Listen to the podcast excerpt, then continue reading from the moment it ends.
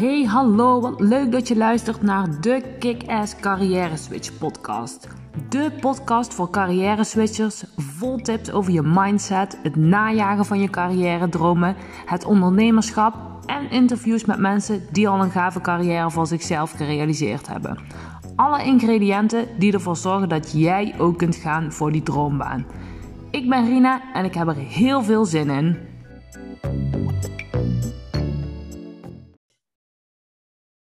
Super leuk dat je weer luistert naar een nieuwe aflevering van mijn podcast. Ik heb vandaag de gast Savannah van Heldsam. En ik heb Savannah leren kennen toen wij samen in een coachtraject zaten bij Tineke Zwart, een business coach. En daarna hebben wij nog vele malen samengewerkt. Ik heb namelijk bij Savannah een traject gevolgd voor mijn gezondheid en mijn energiehuishouding. En zij heeft masterclasses gegeven, super gaaf, een enthousiaste masterclass in mijn programma voor mijn carrière switchers. Savanne is namelijk de expert als het gaat om vermoeidheidsklachten, vage klachten, energieklachten. Dus zij leek me een, een super inspirerende gast om uit te nodigen. En op mijn uitnodiging zei ze, ja, ben ik super blij mee. Welkom Savannah. Dankjewel. Je, ik, ik zit helemaal te glunderen eigenlijk van de introductie. Ik dacht, nou, ga nog maar even door. Nee, dat is een grapje natuurlijk.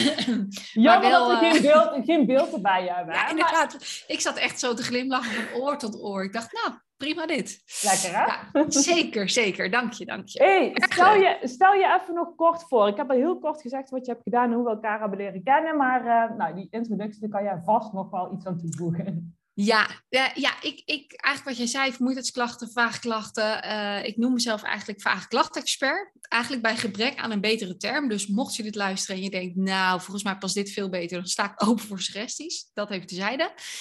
Um, omdat ik vrouwen help met de meest uiteenlopende klachten. Klachten waarvan ze vooral zelf uh, nog wel eens willen denken, dit hoort bij mij. Of ik moet iets zeuren, of het kan altijd erger. Terwijl het dus echt niet hoort.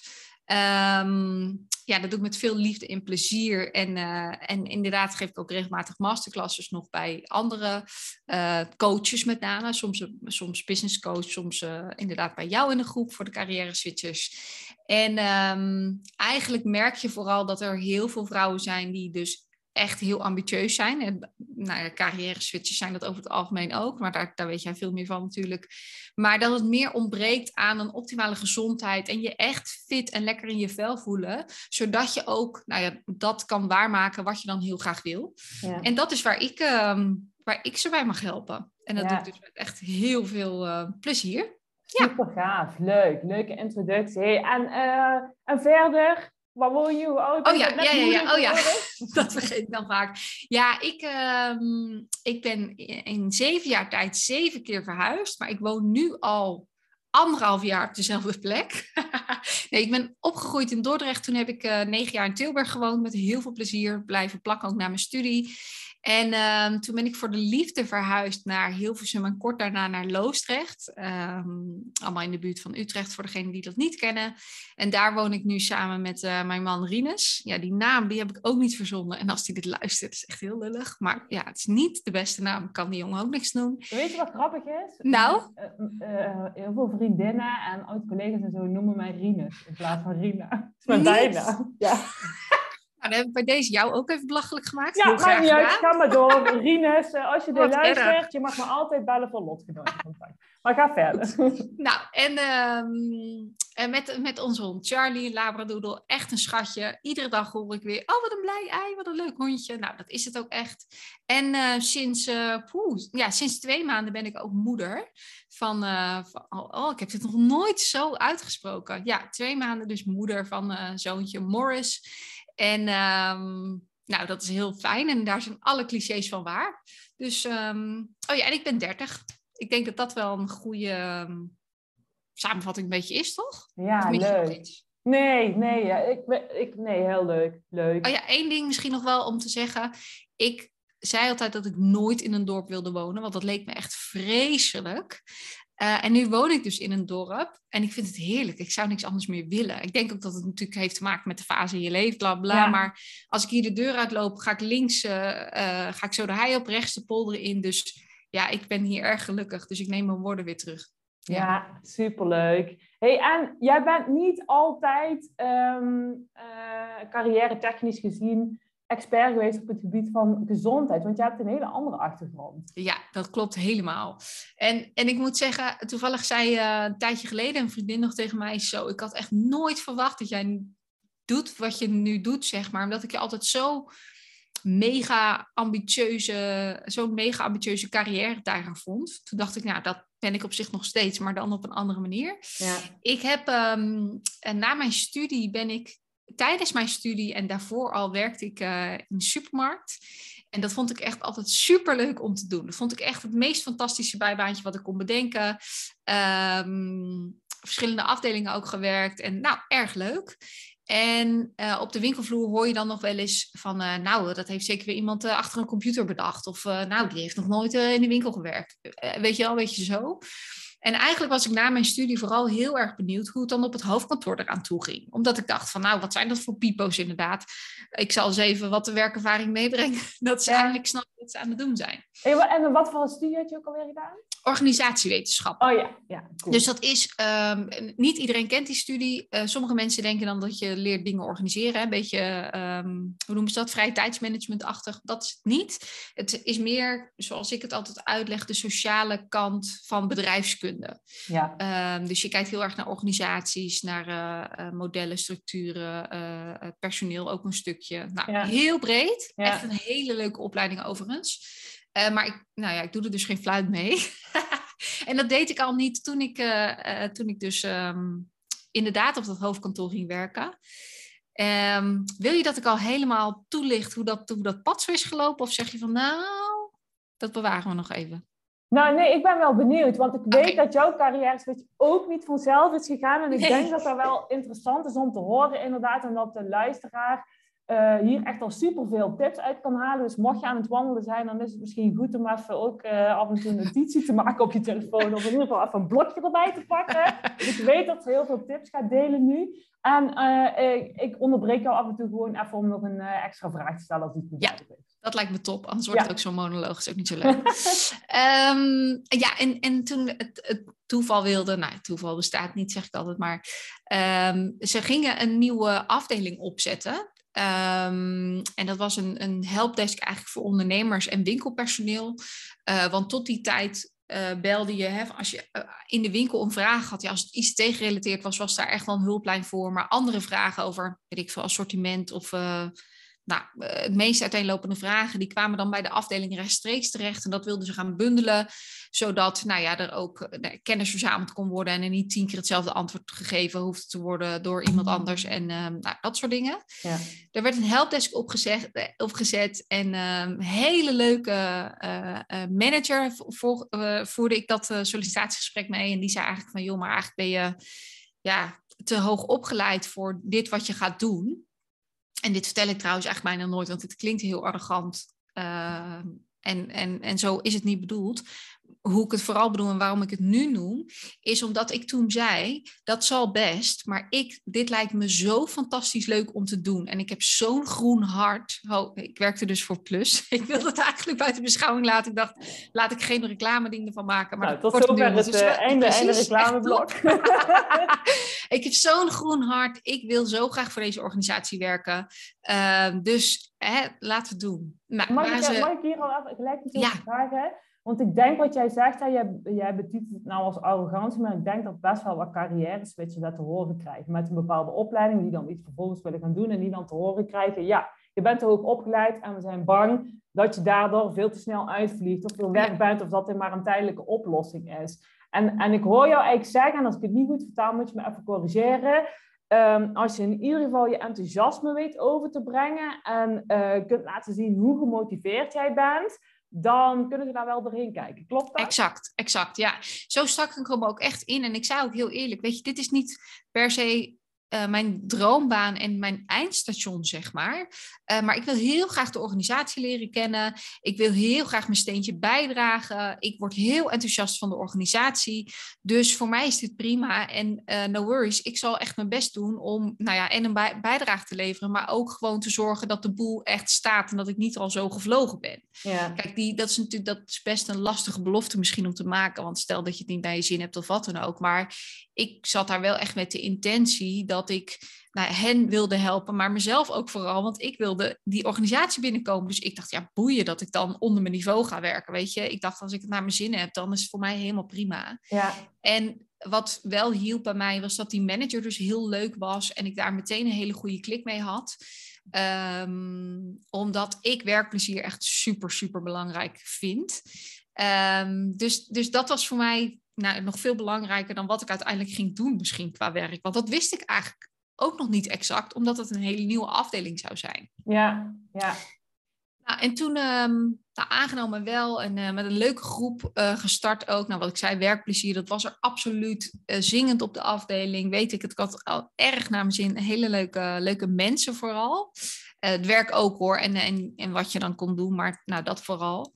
En uiteindelijk wilden ze een soort kweekvijver maken van die afdeling, zodat ze talenten, zoals zij dat dan noemden, konden laten doorstromen naar andere uh, functies. En juist ook omdat ze heel graag mensen wilden die ervaring hadden van die winkelvloer. Omdat er op kantoor al heel veel mensen waren die dat helemaal niet zo hadden. Ja. Nou, dus ik um, had mijn zinnen wel gezet op een uh, functie in de buitendienst. Maar eigenlijk zei iedereen van. Nou, dat is niet helemaal waar, maar ik kreeg wel een beetje het idee van, nou, dan moet je wel echt lang voor zitten en je best voor doen en bla bla bla. Nou, ik dacht, weet je, ik doe, ik doe mijn best en ik ben wie ik ben en we gaan wel zien uh, wat er van komt. Ja. En toen uh, op, een, op een, ik wilde zeggen op een niet-zeggende dag, op een dag dat ik eigenlijk niks door had. De manager had al wel een keer gezegd, joh, schiet even weer een keer een kop koffie in, dan uh, doen we dat. En tijdens dat kop koffiegesprek, ik weet het nog zo goed, zei hij, we gaan van jou uh, de nieuwe processpecialist finance en kassa maken. De, de droombaan die ik had. Ik dacht, wat? Wat zegt hij nou? Nou, ik was zo flabbergasted dat hij zelfs mij niet herkende. Hij zegt, ik dacht dat je veel uitzinniger zou zijn. Ik zeg, ik, ik ben helemaal van de leg. Ik weet niet wat me gebeurt. En nou goed, dat was superleuk. En um, en, en ook heel pittig de weg, er, de weg er naartoe, echt wel. Maar ook weer zo'n enorm leuke baan, leuk team. Um, en ook finance en kassa, dat, dat klinkt natuurlijk heel gek. Maar wat ik daar deed was um, ondernemers ondersteunen eigenlijk uh, op zo'n manier dat hun financiële administratie goed ingericht was dat um, ze wisten welke controlemogelijkheden er waren hè, vanuit het kassastuk en vanuit het administratiestuk, zodat ze fraude eigenlijk konden voorkomen. En als het dan wel aan de hand was, dan hielp ik ze met uh, nou ja, het goed in kaart brengen. Um, en soms betekende dat dus ook uh, dat je bijvoorbeeld met de recherche om tafel zit of wat dan ook. Ja. Gelukkig niet heel vaak, want dat zou heel, uh, heel slecht zijn. Maar enorm leuk. Ehm, mijn analytische skills werden enorm uitgedaagd. Ik vond het echt fantastisch. Ja, um, ja dat, is, dat is iets wat ik vandaag de dag dus helemaal niet meer doe. En, en daar vertel ik zo meteen nog wel wat over. Maar um, ja, dat hele analytische vond ik veel leuker dan ik dacht. Ik dacht dat is echt voor, voor nerds eigenlijk. Ja. Ik vond het super leuk om te doen. Ik, uh, oh, laat mij maar dingen uitpluizen, zeg maar. Hey, mag ik iets vragen? Ja, zeker. Jou, was dit jouw laatste station bij de, bij de supermarkt of heb je nog meer functies? Nee, gedaan? nog meer functies. Ja? Ja, je hoort mijn enthousiasme al, hè? Ja. Um, nee, ja, dat heb ik toen uh, een kleine drie jaar, denk ik, gedaan. Met, nou, wat ik zei, heel veel plezier. Maar ik had natuurlijk ook alweer een stip op de horizon. En die manager die mij had aangenomen, die uh, was ook ondertussen weer van positie veranderd. En die was weer de manager van de functie die ik heel graag wilde bekleden. Dat was de functie van uh, clustermanager. Mm. En clustermanager is eigenlijk, een beetje een soort regiomanager. Heb je een aantal winkels onder je hoede. Um, een stuk of twintig winkels, um, waarbij je eigenlijk de schakel bent tussen uh, de ondernemer en, en kantoor. Uh, dus je, nou ja, je neemt dingen mee terug vanuit de winkel, vanuit de winkel, vanuit de ondernemers en andersom ook. Um, daarbij maak je bijvoorbeeld begrotingen, waar mijn analytische skills dus weer heel blij van werden. Heel leuk om te doen. Uh, begrotingen, jaarplannen en dergelijke. Je denkt mee over investeringen, verbouwingen. Um, nou ja, je bekijkt echt het totaalplaatje dat, dat, de, dat het bedrijf ook echt nog winstgevend is. Want uh, wat bijzonder is aan Plus is dat het eigenlijk dat het een coöperatie is en het allemaal zelfstandige ondernemers zijn. Ja. Dus het is echt hun eigen bedrijf, wel onder de vlag van. Hè? Dus het was bijvoorbeeld wel aan mij om te bewaken dat die formule nog in stand werd gehouden. Dus dat ze niet opeens hele andere dingen gingen doen. Nee. Um, maar dat ze wel binnen die, die kaders helemaal hun eigen, um, hun eigen ding konden konden doen, zeg maar. En dat we daar ook ja, konden brainstormen over ja, bijvoorbeeld campagnes die ze dan gingen doen. Uh, en, en een campagne om nieuwe klanten te werven. Of als er een nieuwe wijk werd uh, gebouwd, wat je dan kon doen. Nou, echt super uiteenlopend. Heel creatief ook, lijkt me daar. Ja, ja, ja, ja, wat dat betreft werd mijn creativiteit wel echt uitgedaagd. Ja. En um, tot die tijd zou ik mezelf namelijk ook niet omschrijven als creatief. En inmiddels zou ik dat bijvoorbeeld weer wel doen. Dus dat Ja. is ook wel heel grappig. Er werden weer andere eh, dingen aangeboord die ik nou, nodig had eigenlijk om die job eh, uit te Ja. oefenen. Ja.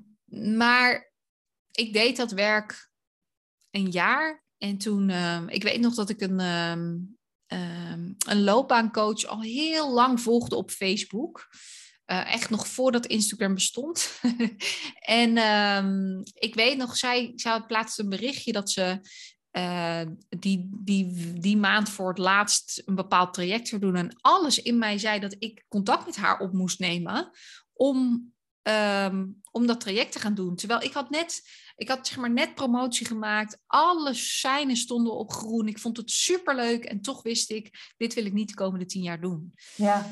Dus toen, ehm, Mag ik daar ook nog iets over vragen? Want dat vind ik ook Ja. interessant. ja, Ik spreek namelijk, ik spreek namelijk eh, verschillende mensen als ze instappen bij mij in een traject. Eh, mensen die het echt verschrikkelijk vinden, het werk wat ze nu doen, die, Ja. die ehm, nou, bijna burn-out zijn of op het randje zitten of aan het herstellen zijn van een burn-out. Daar is, daarvan is heel duidelijk, dit werk moet ik me doen, moet nu een actie maken. Ja. Ik spreek ook wel eens mensen die zeggen, nou, ik geef mijn werk wel een 7. Mijn collega's zijn echt super gaaf, de bord vind ik echt heel cool, maar ik weet er zit meer in. En die mensen vragen zich dan wel eens af, ja, is het wel erg genoeg om nu een traject te gaan doen? Hey, en ik hoor dat jij een beetje in die laatste categorie zat, want jij bent, ja, je praat super enthousiast nog steeds over die Ja. functie, over je Ja. collega's, over de manager, over de kansen die je kreeg, over de promotie Ja. die je had gemaakt.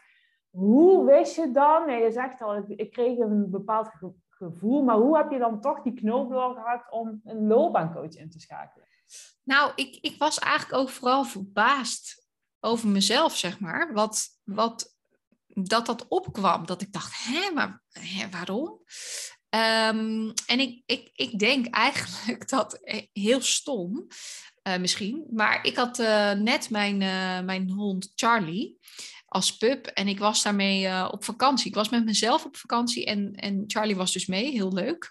Eh, voor het eerst was ik alleen op vakantie en ik denk dat dat een moment een beetje was van bezinning of, of reflectie of nou, iets waar ik eerder geen tijd voor had genomen, want de baan die ik had, nou, dat was echt wel 60, 70 uur werken per week. Dus je bent vooral heel de tijd in een red race. Ja, eh, en je gaat gewoon door je doet je ding. maar je hebt eigenlijk geen ehm, tijd om iets te voelen of ergens Nee, ja, precies. Ja, Ja, ja, ja, exact. Dus ik, ik denk ook dat, dat, dat daar meer het moment kwam dat ik dacht van, maar wil ik dit dan de rest van mijn leven doen? En ehm, ik was ook zo blij met, met Charlie, zeg maar, dat ik eigenlijk ook niet zoveel van haar weg wilde zijn. Dat klinkt heel stom, want dat, dat besefte ik me ook wel. Maar ik, ik dacht eigenlijk van, ja, jeetje, is dit nou, is dit, is dit nou het enige mogelijk of zo in het leven? Nou, dat Dus- is eigenlijk een beetje, lijkt het een beetje op wat, wat ik ook heel veel, eh, nou, kerstverse moeders zie gebeuren. Ja. Eh, Dan, dan verandert, er, er, er vindt zo'n live event plaats, hè, of je gaat scheiden, of je krijgt inderdaad een kind, je wordt voor de eerste Ja. keer moeder, weet ik het veel. En dan verandert er zoveel dat je weer even door elkaar geschud wordt, nadenkt over het leven en denkt, oké, past het allemaal nog wel op de goede plek? Ja. Ja, ja, exact. exact. En ehm, wat ik ook, denk ik... Want, want toen was... ehm, ik vraag me... Oh ja, Instagram bestond toen wel, ja. Zeker. Ehm, maar ik, eh, ik had nog niet toen dat ik zo er, dat ik bijvoorbeeld heel erg geïnfluenced werd door mensen die ik volgde, die eh 20 uur per week werkten en een heel goed inkomen hadden, bijvoorbeeld. Hè. Dat was toen nog helemaal niet. Ik gebruikte Instagram echt voor privé dingen. Ik volgde alleen mensen die ik kende, verder niet. Je had Tim Dus- Ferriss ook nog niet gelezen. Eh, nee, precies. Dus, dus Voor de luisteraar, dat was before allemaal- ja, precies. Nee, dus dat was allemaal niet aan de orde eigenlijk. Eh, ik zit even te denken wat nog een andere trigger, zeg maar, was. Nee, ja, ik had het, ik had het gevoel dat, ik, dat mijn to-do-lijst nooit afkwam. Ja. Ja, ja. Ja, ik had het gevoel dat mijn to-do-lijst nooit afkwam. Dat ik altijd achter de feiten aanliep. Ja, daar ben ik even, ik, daar ben ik, dit triggert iets bij mij. Want, uh, jij, bent, jij hebt natuurlijk mij ook gecoacht op onder andere mijn to-do-lijst en mijn energie-level. Uh, en, uh, en ik weet hoe je daar nu in staat, dus misschien kunnen we dat bruggetje wel even maken. Ik ben heel benieuwd hoe je dan komt van uh, zo'n 60-urige werkweek, super drukke baan met heel veel verantwoordelijkheden. Uh, nou, de ene promotie naar de andere en noem het maar op, naar wat je nu doet. Want dat is eigenlijk compleet tegenovergesteld, toch of niet? Ja, zeker, zeker. Ik, um, ik nou ja, in, in dat traject uh, lag de focus heel erg op, ga eens na waar je heel blij van wordt, maar ook met name in je privéleven. Waar laat je nu echt van op? Nou, serieus, ik kon niks bedenken. Ik kon gewoon niks bedenken. Ik was zo ver, nou, dit klinkt een beetje zweverig misschien, maar zo ver verwijderd van mezelf, achteraf gezien. Hoor. Dat had ik toen helemaal niet door. ik had echt een hartstikke leuk leven en zo. Ja. Maar toen dacht ik wel van, ehm, ja, wat, waar word ik nou eigenlijk blij van? Nou, dat, en dat zat hem uiteindelijk in hele kleine dingen. In uh, dat als ik ging wandelen, dat ik ergens lekker een koffietje kon halen en zo mijn wandeling verder kon maken. Dat ik op het moment wat ik wilde lekker naar het bos kon gaan met Charlie. Um, of naar de hei of wat dan ook. Dus dat traject gaf me heel erg inzicht in uh, waar ik nou echt heel blij van werd. En waar dat en, en hoe ik dan uiteindelijk zeg maar terecht kan bij, bij wat ik nu doe, dat heeft vooral te maken met dat ik zelf nogal een weg heb afgelegd met betrekking tot mijn eigen gezondheid. Dus ja. ik ging mijn eigen grenzen zo vaak over, wat ik toen helemaal niet wist. Gewoon nu herken ik dat echt in een split second bij anderen. Um, maar, bij, maar niemand zei dat eigenlijk tegen mij. Of misschien zei iemand wel een keertje van, goh, pas goed op jezelf of zo. Dacht ik, ja, tuurlijk doe ik dat. Um, maar ik, ik, nou, ik ging echt heel vaak mijn grenzen gewoon, uh, gewoon over. Um, en inmiddels weet ik dus wat dat met je gezondheid doet. Maar ik, ik was zo. Ik, in de jaren daarvoor heb ik zo vaak gehad dat ik zo moe was. Dat ik zoveel vage klachten had. Dat ik al opstond met buikpijn. Dat ik dacht: hoe kan dat nou? Ik heb nog niet eens gegeten. Hoe kan ik nou nu al buikpijn hebben? En dat was echt niet van de stress. Achteraf gezien kan ik dat ook zeggen dat het echt niet van de stress was. Um, maar zoveel vage dingen, altijd koude handen of dat ik in de winter echt helemaal van die witte vingers had. En nou, allemaal dingen die bij elkaar, waarvan ik gewoon overtuigd was dat dat wat zei. Nou, en toen ben ik me heel erg in die jaren ook, uh, had ik me heel erg al verdiept in mijn eigen gezondheid, in wat je lichaam je dan heeft te vertellen. Ik ging echt van professional naar professional, ook alternatieve geneeswijzen. En um, toen ik in aanraking kwam eigenlijk met, met Oersterk, uh, um, ik zal daar niet te veel over vertellen, is ook helemaal niet heel belangrijk, maar mocht je het interessant vinden, ga even naar oersterk.nu bijvoorbeeld, dan kan je er wat over lezen. Of op mijn website of uh, op een andere manier. Gaat nou, het jou, volgens mij is eerst, jouw eerste podcast gaat, vertelt ook een stukje over uh, jouw ziekenhuisverhaal. Ja, en, ja. Dus het is oh, ja, interessant om, om te luisteren volgens mij als je eh, Google, of googelt, in Spotify intypt, Savannah of Heldsom, dan, Heldsom, ja. ja, dan kom je bij jouw eh, podcast uit. En dan, ik zal in de omschrijving van deze podcast ook even een linkje naar, jou, naar jouw podcast plaatsen. En dan kunnen mensen het hele verhaal daar luisteren. Ja, ja, ja. Dus ik, ik had al zo'n weg afgelegd en, en Oersterk bracht voor mij echt alles samen. En terwijl, en dat was al eigenlijk gebeurd, want Oersterk is heel erg van een totaal aanpak. Dus die kijkt niet alleen maar naar ehm, je beweegpatroon of je voedingspatroon, maar ook uh, echt naar je darmgezondheid en je slaap en je mindset, om maar even iets te noemen. Ja. Dus dat had me heel erg getriggerd in, in het Oersterk stuk. En tegelijkertijd dacht ik van, hé, hey, maar wat ik nu weet, zouden zoveel meer mensen mogen weten. Uh, want ik kende zoveel mensen ook in mijn omgeving die allerlei vage klachtjes hadden. Kijk, ik had wel de overtreffende trap te pakken. Uh, had ik ook zelf gecreëerd overigens. Maar dat ik, maar omdat ik wist dat zoveel andere mensen dat hadden, dacht ik, hey, misschien, hè, ik gaf bijvoorbeeld les in de sportschool, waar ik super blij van. kwam op mijn op, oplaadlijstje, om het zo maar te zeggen. Dus gedurende de tijd, eh, toen de tijd verstreek, of gedurende de tijd, ik ben er nooit zo goed in, um, uh, werd dat lijstje met oplaaddingen steeds uh, langer. En toen merkte ik wel dat ik heel erg neigde naar um, uh, het gezondheidsstuk, zeg maar. Ehm, eh, en alle dingen die je nou ja, zelf kunt beïnvloeden daarin. En ik zie ondertussen jouw beeld vaststaan. Oh, maar je bent er nog wel. Ja, ik zie jou nog gewoon. Ja, oh, ik hoor kijk, jou ook nou, luid en duidelijk. Oh, gelukkig. Ik denk toch nog even checken. Nee, helemaal goed. Uh, dus dat lijstje werd steeds langer uh, in combinatie met wat, wat ik om me heen zag gebeuren. Dat ik dacht, hé, hey, maar daar mogen we echt wat op. En het toeval wil, nou, ik zei net al dat ik niet in toeval geloof, dat um, uh, er een wachtlijst was inmiddels voor de eerste lichting oersterk coaches. Dus je kon opgeleid worden tot oersterk coach. Ik had heel die inschrijving en alles helemaal gemist. Ik een mailtje gestuurd. En toevallig was er nog een plek of was er een plekje vrijgekomen. En kon ik dus die opleiding starten binnen een maand. Dus en toen deed ik dat loopbaancoachingstraject nog. Dus daar kwam alles samen. Nou, vanaf toen is het eigenlijk in een stroomversnelling gegaan. En uh, ja. nu zit ik hier. ja. Hey, kun je eens in... in uh, nee, dat is misschien een moeilijke opdracht. In één Vertel. In, in één zin. Oh, oh, ik kan al heel, in heel veel zinnen Maar kun je eens kort beschrijven waarom het zo belangrijk is om uh, met al die punten rekening te houden hè, waar jij mensen op coacht als je van carrière wilt switchen. Of als je een fijne, succesvolle carrière wilt hebben. Ja, oh, supergoeie vraag. Dat kan inderdaad niet in één zin. Tenminste, ik kan het niet. Misschien kunnen andere mensen dit wel. Uh, wat ik heel vaak zie, en dat is ook wel, misschien wel leuk om de parallel te uh, trekken. Want ik heb ook wel eens mensen naar jou doorgestuurd. Hè? Ja. En, en andersom gebeurt ook. Ja. Um, hè, omdat energiestuk is natuurlijk heel belangrijk. Als je wilt switchen van banen en op zoek bent naar waar je dan heel blij van wordt. Ja. En andersom is het natuurlijk, als je, als je als je werk echt als een blok aan je been hangt, dan is het goed om te weten dat het ook anders kan. Kan ook heel veel ehm, energie kosten, dat stuk, ja. ja. Precies. En, en, en als aanvulling waarom ik ze dan zo graag naar jou doorverwijs, is omdat je dus echt naar dat hele plaatje kijkt. En heel vaak hoor ik loopbaancoaches bijvoorbeeld naar uh, kwaliteiten kijken of wat dan ook.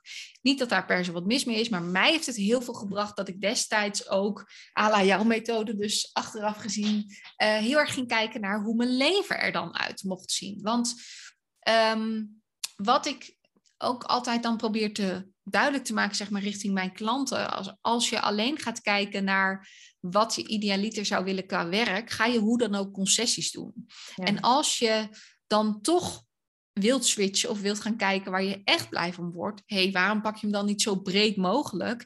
En, en ga je zo out of the box denken dat jij denkt dat er geen baan is die daarbij past, terwijl die er uiteindelijk wel blijkt te zijn. Ja, Um, want dat is het heel vaak. We denken allemaal in, in, in, uh, in boxes, in kaders, in, in, in functies bijvoorbeeld. Hè? Um, maar A, een functietitel, nou zegt sowieso niet zo heel veel natuurlijk.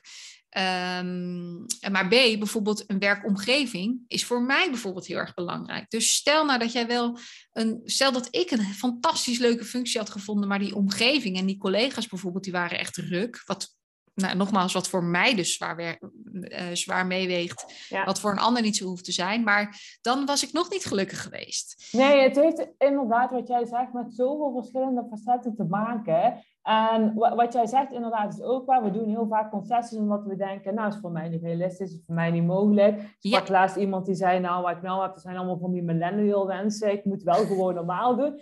Terwijl daar gaat het niet om. Als jij niet weet, als je überhaupt nog niet eens ooit stil hebt gestaan bij de vraag hoe, mijn, hoe, mijn, hoe moet mijn leven eruit zien? Waar ga ik van? Ja. Waar gaat mijn hart van in de fik? Waar ga ik echt van aan? Ja. Dat vind ik lekker. En dat heeft met zoveel meer dingen te maken als met alleen werk. Weet je, exact ik heb van jou bijvoorbeeld geleerd dat het, dat het um, nou, een heel groot rondje gaan lopen en een, het doen van yoga in plaats van bootcampen.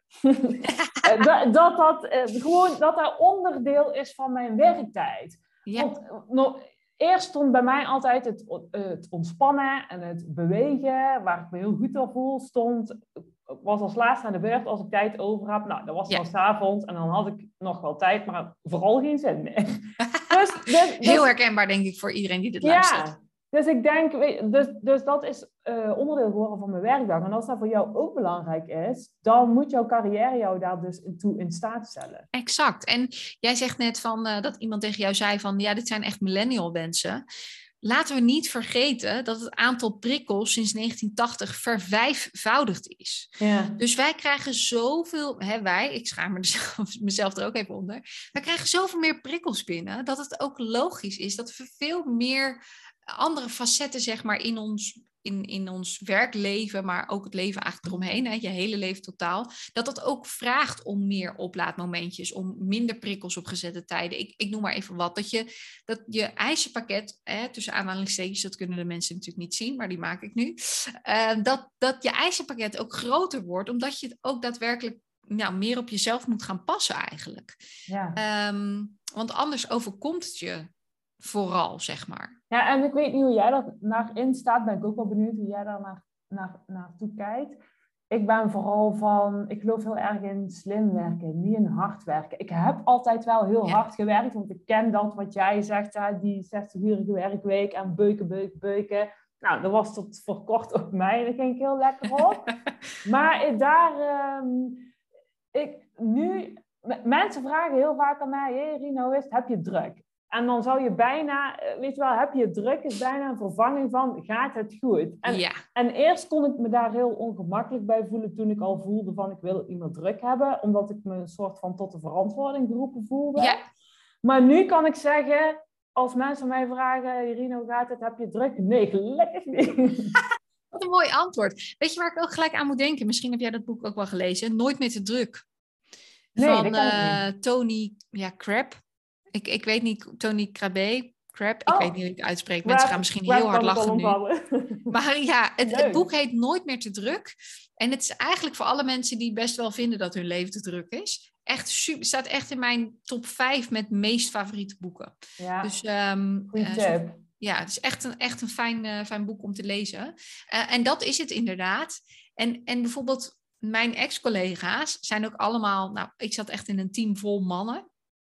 Um, en dat zijn ook allemaal mannen die hun nou, status of, of, of uh, hun, nou, hun ego gaat er heel goed op dat ze, um, dat ze het heel druk hebben. En, en even iets heel grappigs tussendoor.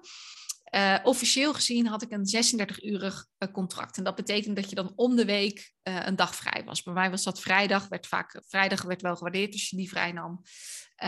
nou, oké, prima maar ik had dus, ik zei al, ik, in, een, in een team vol haantjes was er dus één man. En die heeft dus jarenlang volgehouden thuis dat hij gewoon 40 uur, zeg maar, vijf dagen moest werken. op de dag van die, hè, dat, dat zo'n compensatiedag was, om het even zo te zeggen. Hè, dus die ene dag per twee weken, ging die dus gewoon in pak de deur uit zodat zijn vrouw niet zou, zou weten dat hij anders gewoon vrij was. Want dan moest hij bijvoorbeeld iets met de kinderen doen of wat dan ook. Nou, echt zo, zo erg was het gewoon. Ja, dus ik, ja, ik kan daar hartelijk om lachen, maar het is ook eigenlijk erg. Ik vind het heel ernstig. Ja, maar dat is een beetje de cultuur wel, wel um, uh, waarin we vaak leven. Hè? Uh, um, ja. Echt niks ten nadele van Plus. Het is echt een fantastische organisatie. Serieus, als je weet wat je, wat je wil hè, voor alle luisteraars. Plus is echt een fantastische organisatie. Erg leuk. Um, ja, hele fijne mensen werken daar. Dus dat kan ik echt alleen maar, uh, maar aanraden. Maar je ziet gewoon dat, uh, uh, dat we met z'n allen ook een bepaalde cultuur in stand houden. Waarbij je dus maar je eigen wensen overboord moet gooien. Ja. Terwijl als jij inderdaad bijvoorbeeld yoga integreert, integreert in je, je werkdag, zeg maar. Hoeveel um, beter presteer je dan bijvoorbeeld? Hoeveel productiever ben je dan bijvoorbeeld? Of eh, dat soort dingen. Daar worden vanuit organisaties heel weinig over nagedacht. Maar ik ben echt pro bijvoorbeeld daarvoor. Ja. En hoe vaak hebben mensen bijvoorbeeld niet als ze gaan lunchen toch nog hun telefoon in de hand? Ja, of eten um, achter op, aan een bureau achter de laptop en doen dan gelijk even de mailtjes. Terwijl en uh, hoe vaak worden mensen wel niet betaald om acht uur per dag een stoel warm te houden. Terwijl je eigenlijk maar vijf tot zes uur per dag echt productief bent. Exact, exact. En, en laat ik vooropstellen, ik vind niet dat, je dus met z'n allen, dat we dus met z'n allen maar achterover moeten leunen. En vooral niet meer hard hoeven te werken, et cetera. Want het is, het is natuurlijk ook, soms is het nodig tussen aanhalingstekens om wel even je schouders ergens onder te zetten. Ik bedoel, jij en ik um, kunnen onze eigen agenda inmiddels indelen. Maar het is ook, hè, we zouden liegen als we zouden zeggen dat we nooit meer hard werken. Nee. Want als we, weet ik veel, iets lanceren of wat dan ook, dan willen we ook nog wel eens een keertje uh, uh, toch nog onze laptop s'avonds openklappen of wat dan ook. Maar het verschil zit hem natuurlijk wel dat in de basis um, hebben we veel nou, ik wil het bijna zeggen, gezondere werkdagen, maar in ieder geval werkdagen die beter bij ons passen. Ja. Waardoor we, nou ja, uiteindelijk ook ehm, in ons geval ook meer mensen kunnen helpen, bijvoorbeeld. Omdat Ja, we en, en, en, zelf zorgen. Ja, precies. Dat is, je kunt beter je mensen helpen, je beter je klanten helpen. En ik denk ook dat je beter bepaalde stress kunt dragen. Want laten we wel eerlijk wezen, wij waren net even aan het voorbespreken voordat we de opnameknop. En ik was jou net aan het vertellen hoeveel stress ik de afgelopen maand heb gehad met mijn Facebook-advertenties die, ehm, Ja. nou, die, die op zijn gat hebben gelegen en wat me ontzettend veel gekost heeft eh, qua euro's. Ehm, ja, en, en dat levert echt superveel stress op. Dus, maar het feit dat ik zo goed zorg voor mijn gezondheid, eh, mijn menstruatie op orde heb, nou, dat klinkt echt heel raar, maar dat, dat, dat helpt voor mij ook. Super belangrijke Ja. feedback, hè, uiteindelijk, wat je Ja. lijf je geeft. Dus Ja, ja. en ehm, eh, me fit voel, goed slapen, zo, zorg dat ik nog steeds heel veel stress heb van, van wat er maar gebeurt, maar dat ik het wel kan dragen. Dragen, Dat ja. niet, niet Ja. bezwijk. En, en dat is ook wat ik heel vaak zeg. hè, Want bijvoorbeeld, je wordt een beetje doodgegooid met eh, ja, koud douchen is echt supergoed. Of ijsbad of nou, weet ik veel wat. En eh, ja, dat kan heel goed zijn voor jezelf. Maar wat we vaak vergeten, of wat mensen eigenlijk heel vaak niet weten, is dat als je al chronisch stress hebt en, en eh, lieve luisteraar, besef je even dat eh 9 van de 10 mensen last hebben van chronische stress zonder dat ze daar zelf bij, bij stilstaan.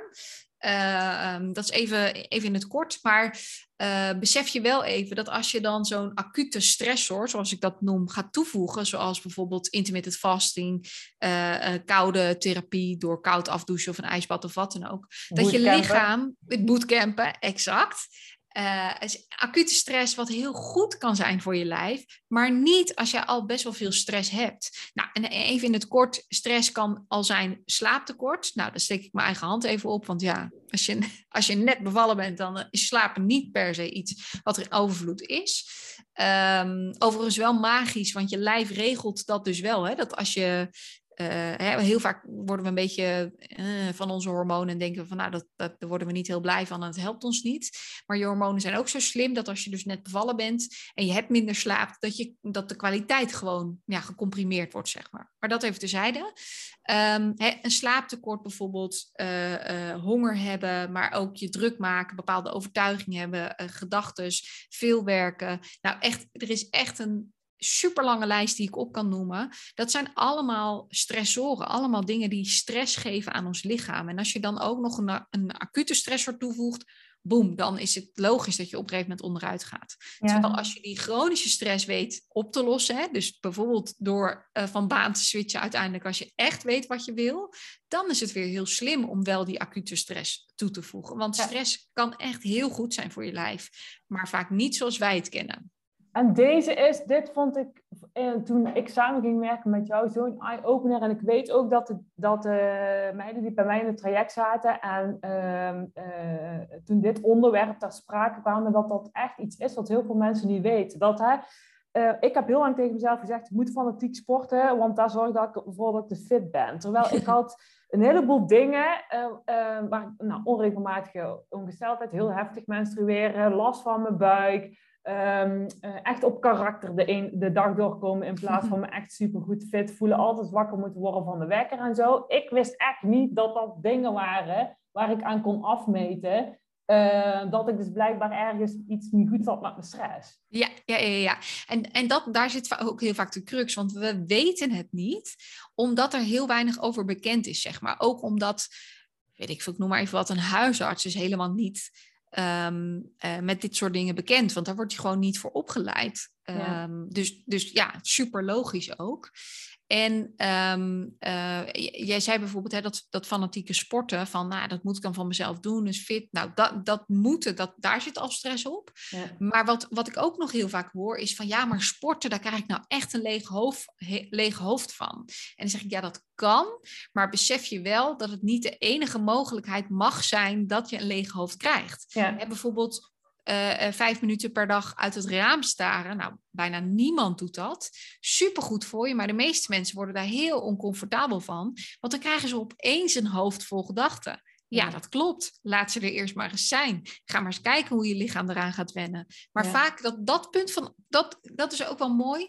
bij sporten kunnen we nog onszelf een, een schop onder de, onder de kont geven en zeggen, nou hop, hè, eh, je moet nu wel gaan Rina, want het is goed voor je en blablabla.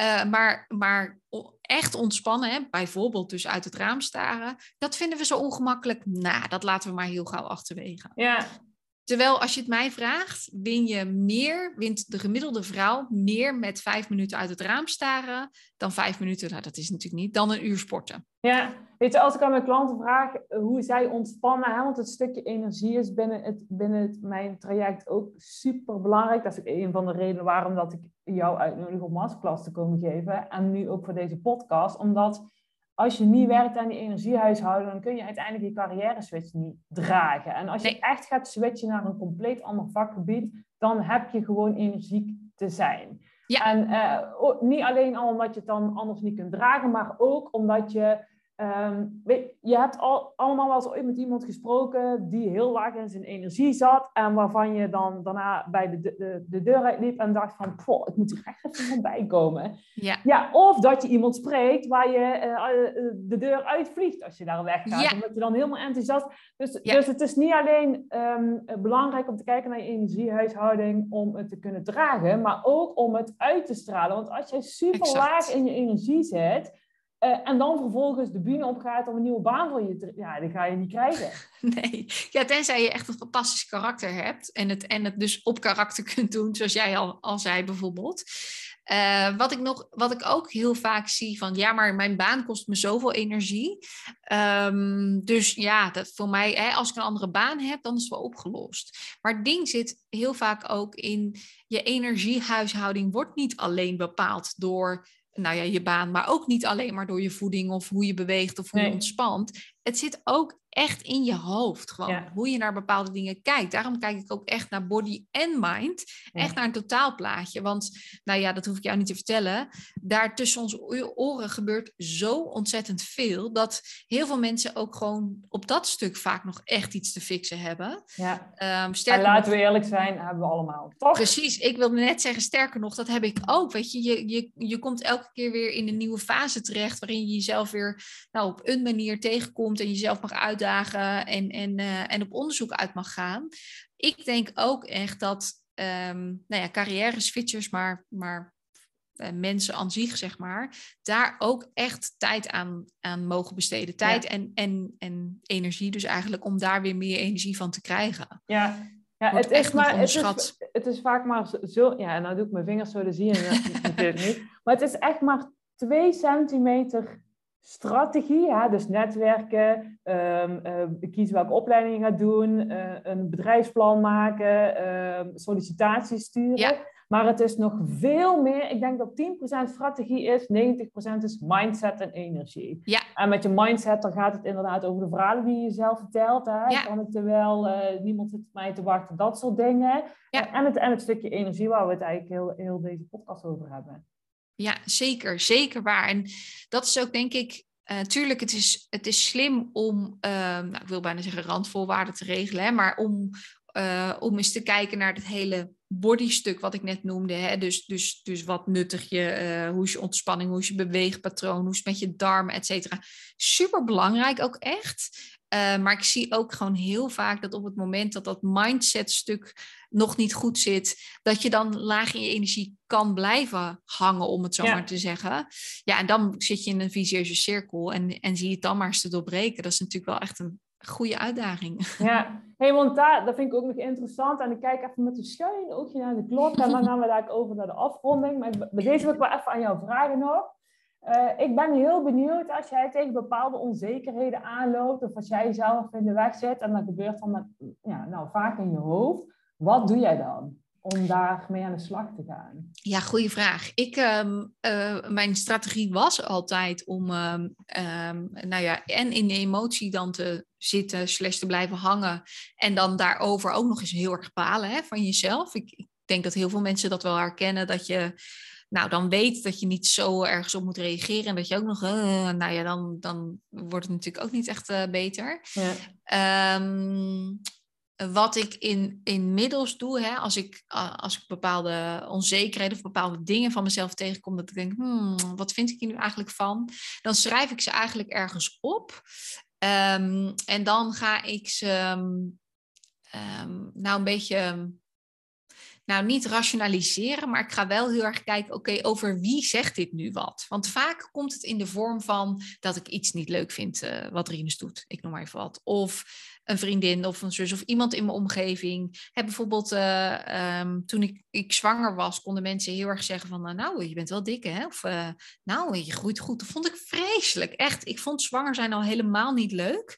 En als mensen dan zulke dingen ook nog zeiden, nou, ik, ik kon daar zo van slag van zijn. Ja. Um, uh, werktechnisch valt er natuurlijk ook van alles te verzinnen, maar dit was even het eerste wat er in mij opkwam. Ja, mooi voorbeeld. Um, en uiteindelijk dacht ik ook van, het komt natuurlijk alleen maar bij mij zo binnen, omdat er iets in mij zit, zeg maar, wat daar heel erg gevoelig voor is. Hè?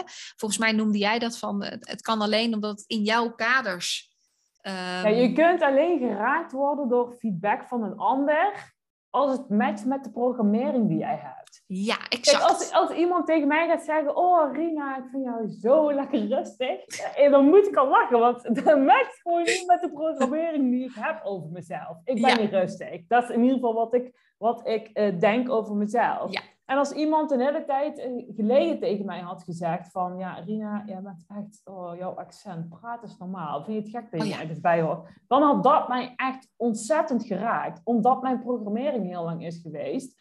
Ik hoor nergens bij. Ik pas nergens bij. Ik ben raar. Niemand zit op mij te wachten. Ja. Dus, dus voel je die als, als jou, ja, jij kan geraakt worden door de opmerking... Jeetje, wat groei jij toch goed omdat het matcht ergens met de programmering die je zelf over jezelf hebt. Ja, ja, ja, is echt, echt helemaal waar gewoon. En waar ik, waar ik wel nog eens een handje, hè, want uh, wat ik nu schets, en dat ik dus vooral bij mezelf in mag checken, wat zegt het, wat zegt het over mij en wat ik mezelf vertel. Um, dat is natuurlijk, ik, dat is echt niet altijd het geval. Ik weet ook nog dat ik op een gegeven moment heel sterk um, kon gaan duwen tegen nou, die onzekerheid die ik dan voelde op een vlak of ergens waar ik niet blij mee was. Maar dat duwen maakt het alleen maar erger. Ja. Dus uiteindelijk is, helpt het me. En natuurlijk, ik blijf er echt wel eens in, in, in hangen hoor. Soms is dat ook heel gezond eigenlijk om, om het even goed door te maken en dan vervolgens weer. Voelen, ja. Precies. Uh, maar uiteindelijk helpt mij vooral om er gewoon mee te gaan zitten en um, te kijken wat het over mij zegt. En vervolgens kan ik dan veel beter ook bepalen eigenlijk van, nou is het ook, is het waar, zeg maar? Is het um, rationeel gezien ook waar? Ja, ja, mooi. Mooi. Ja, en wat jij zegt is, vind ik ook een hele goede, heel scherp. Weet je, als je het weg gaat zitten duwen, dan kun je eigenlijk een beetje vergelijken met een bal heel erg proberen onder water duwen op een gegeven moment moet je hem loslaten en knalt die keihard in je gezicht. Ja. Dus je kunt... Uh, Zo vaak gehad, jongens. Ja, weet je, je die vervelende gevoelens, die, die zijn er nou eenmaal af en toe. En die mogen er ook gewoon zijn als je heel hard probeert weg te duwen, komen ze keihard terug in je gezicht. Dus de kunst is inderdaad niet om ze weg te duwen of om eromheen of eroverheen. De kunst is om er dwars erheen te gaan. Ja, en, en, en, en besef je ook, super cliché, maar echt wel waar, zonder schaduw geen zon. Nee. Zonder licht, uh, zonder donker geen licht, nou, et cetera, et cetera. Dat is echt, echt waar. Dus ja. stel dat je luistert en je kunt het op dit moment gebruiken. Weet dat de zon altijd weer gaat schijnen. Maar dat je echt even met jezelf uh, aan, aan de slag mag. Ja, en, en weet ook als je luistert en je worstelt hier op dit moment mee. Je hoeft het niet alleen te doen, want er is inmiddels ja. zo ontzettend veel hulp beschikbaar in allerlei soorten vormen. Ja als je er te lang mee... Dat is tenminste hoe ik met mijn onzekerheden omga. Als ik te lang met iets worstel... En bij mij is te lang al vrij snel. als iets wel, ongeduld. Ja, nou, als iets me irriteert of het zit me in de weg... dan wil ik binnen een week hulp. Oh ja, ja, ja. Dus dat is, ja, weet je, weet dat die mogelijkheid er is. Ja, en dan, en dan misschien is het een beetje uh, out of the box van deze podcast. Maar hè, op dit moment is de, is de zorg natuurlijk best goed belast. En uh, er zijn er flinke wachtrijen, voor, wachtrijen bijvoorbeeld voor, uh, voor psychologen en dergelijke. Maar probeer ook wat dat betreft echt out of the box te denken en, en, en ook los te kijken van het traditionele. Want we zijn, hè, sommige mensen vinden überhaupt een psycholoog bezoeken al een drempel. Nou, dat, ik hoop dat je dat ook snel laat varen. Um, maar een psycholoog is niet de enige manier om um, met jezelf aan de slag te gaan. Dat kan op zoveel manieren. Dus gun jezelf ook die vrije blik eigenlijk om daarnaar te kijken. Ja, ja. Hey, en deze pak ik meteen even aan om een bruggetje te maken naar Ehm, stel, hè, degene die nu gaat luisteren, is, die uh, vindt sowieso dit onderwerp en deze onderwerpen die we vandaag hebben besproken super interessant. Ehm, maar mocht degene die nou aan het luisteren uh, is, um, graag meer willen leren over het stuk energie en daarmee aan de slag gaan. Ik weet dat jij uh, nou, hele gave dingen doet. Wat, wat kunnen ze dan bij jou volgen en waar kunnen ze dat vinden? Ja, een hele goede, goede, goede vraag. Uh, op mijn Instagram ben ik eigenlijk zelf het meest actief. Dus daar deel ik ook dagelijks uh, wat dingen. Uh, dat is heldsome underscore NL, hè, dus zo'n laagstreepje. Ja, ik doe de link voor de ehm, luisteraar even in de omschrijving van deze podcast. Kun je rechtstreeks doorklikken naar de Insta van Savannah. Ja, en daar zie je eigenlijk al in de notendop in, de, in de link in bio zie je mijn website staan. Dat is heldsome.nl. Maar daar zie je eigenlijk wat ik aanbied. Meest laagdrempelig is mijn masterclass van anderhalf uur, waarin ik echt mega veel tips deel. Um, als je zegt van nou, ik mag wel wat meer de diepte in, dan zou je mijn videotraining leren luisteren naar je lichaam ook kunnen volgen. Nou, en als je zegt van nou, ik heb Savannah echt hard nodig, dan kan je natuurlijk altijd één op één nog, uh, nog iets doen. Daar kan je over mijn, op mijn website ook over lezen. Of je kunt me gewoon even een berichtje sturen via Instagram. Dat vind ik sowieso super leuk als je hem geluisterd hebt, vind ik het ook heel leuk om er iets over te horen. Dus voel je vrij, voel je vrij. Superleuk. Ja, als je geluisterd hebt tot hier, laat ons, mij of Savannah, of ons allebei even weten wat je van deze aflevering vond en wat je eruit hebt gehaald. Vinden we alle twee superleuk. En dan van nu wil ik jou heel erg bedanken, Savannah, voor al je input en het delen van je verhaal. Ik vond het uh, nou, een mega eer dat je te gast wilde zijn. Leuk, super bedankt. En uh, ik hoop dat de luisteraars genoten hebben.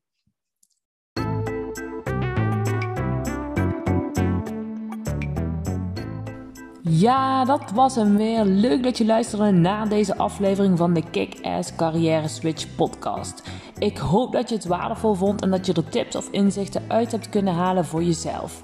Vond je dit nou een waardevolle podcast? Dan zou ik het super leuk vinden als je dat zou willen delen. Bijvoorbeeld via je eigen social media kanalen door een screenshot te maken van je scherm, deze foto te delen en mij daarin te taggen. Of door bijvoorbeeld een review achter te laten. En ken je nog andere mensen die vastlopen in hun carrière en toe zijn aan de volgende stap? Dan zou ik het super vinden als je deze podcast ook met hen wilt delen. Dankjewel voor het luisteren en tot de volgende aflevering.